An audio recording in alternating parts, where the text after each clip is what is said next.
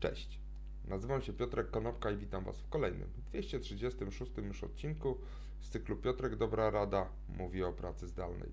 Dzisiaj powiem o siedmiu domowych sposobach na poradzenie sobie z wypaleniem zawodowym.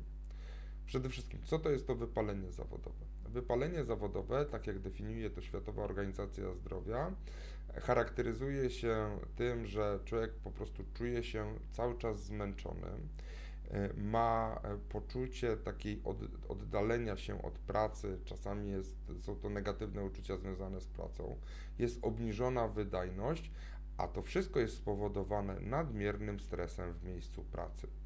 Ale można czasami znaleźć inne e, symptomy tej choroby i te bardziej takie subtelne symptomy to jest na przykład bycie cynicznym albo zbyt krytycznym względem swoich zadań jest to e, trudność z koncentracją, nieumiejętność cieszenia się z odniesionych sukcesów, mm, używanie e, używek, czyli alkoholu, narkotyków czy papierosów lub chociażby jedzenia jako takich zapychaczy, jako takich substytutów dobrego samopoczucia.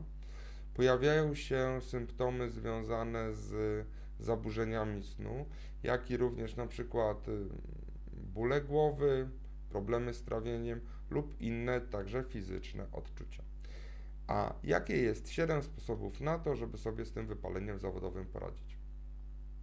Po pierwsze, outsourcuj co tylko możesz. Jeżeli możesz zdelegować jakiekolwiek zadanie, deleguj je skupiaj się tylko na pracy, takiej, która jest pracą dla Ciebie e, atrakcyjną.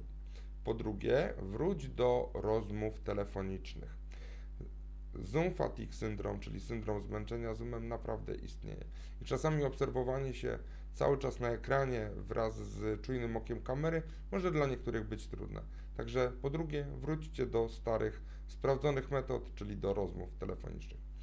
Po trzecie, zdefiniuj godziny pracy i granice pomiędzy czasem prywatnym a czasem zawodowym. Dla mnie ten czas zawodowy to zawsze oznacza koszula i krawat. Po czwarte, spróbujcie e, przerw. Jeżeli umiecie, zastosujcie technikę pomidora, czyli 30 minut pracy, 5 minut przerwy. Jeżeli nie umiecie czegoś takiego, to spróbujcie 90 minut pracy i 20 minut przerwy. To wyjdzie Wam na zdrowie. Po piąte, znajdźcie pracę, która Wam służy. A jeżeli nie możecie tej pracy zmienić, to w tej pracy, którą aktualnie wykonujecie, znajdźcie te elementy, które dają Wam największą satysfakcję. Po szóste, weźcie wolne. Urlop może oznaczać czterodniowe niewykonywanie obowiązków, wyjechanie do siebie na działkę i wcale nie musi oznaczać wyjazdu poza granice kraju. I jako siódmy, ostatni punkt, Podwójcie wysiłki związane z tym, żeby zadbać o samego siebie. Ćwiczenia, medytacje, dłuższy sen, zdrowe odżywianie się. To wszystko pozwoli Wam uniknąć tego wypalenia zawodowego, które w dzisiejszych e, czasach związanych z COVID-em, izolacją i odosobnieniem bardzo mocno przytłacza wiele osób. A chętnie też y, porozmawiam z tymi ludźmi, którzy mają poczucie, że oni sami albo ich firmy nie robią wystarczająco dużo, żeby to nasze zdrowie psychiczne było lepsze. Dzięki serdeczne, do zobaczenia i usłyszenia jutro. Na razie.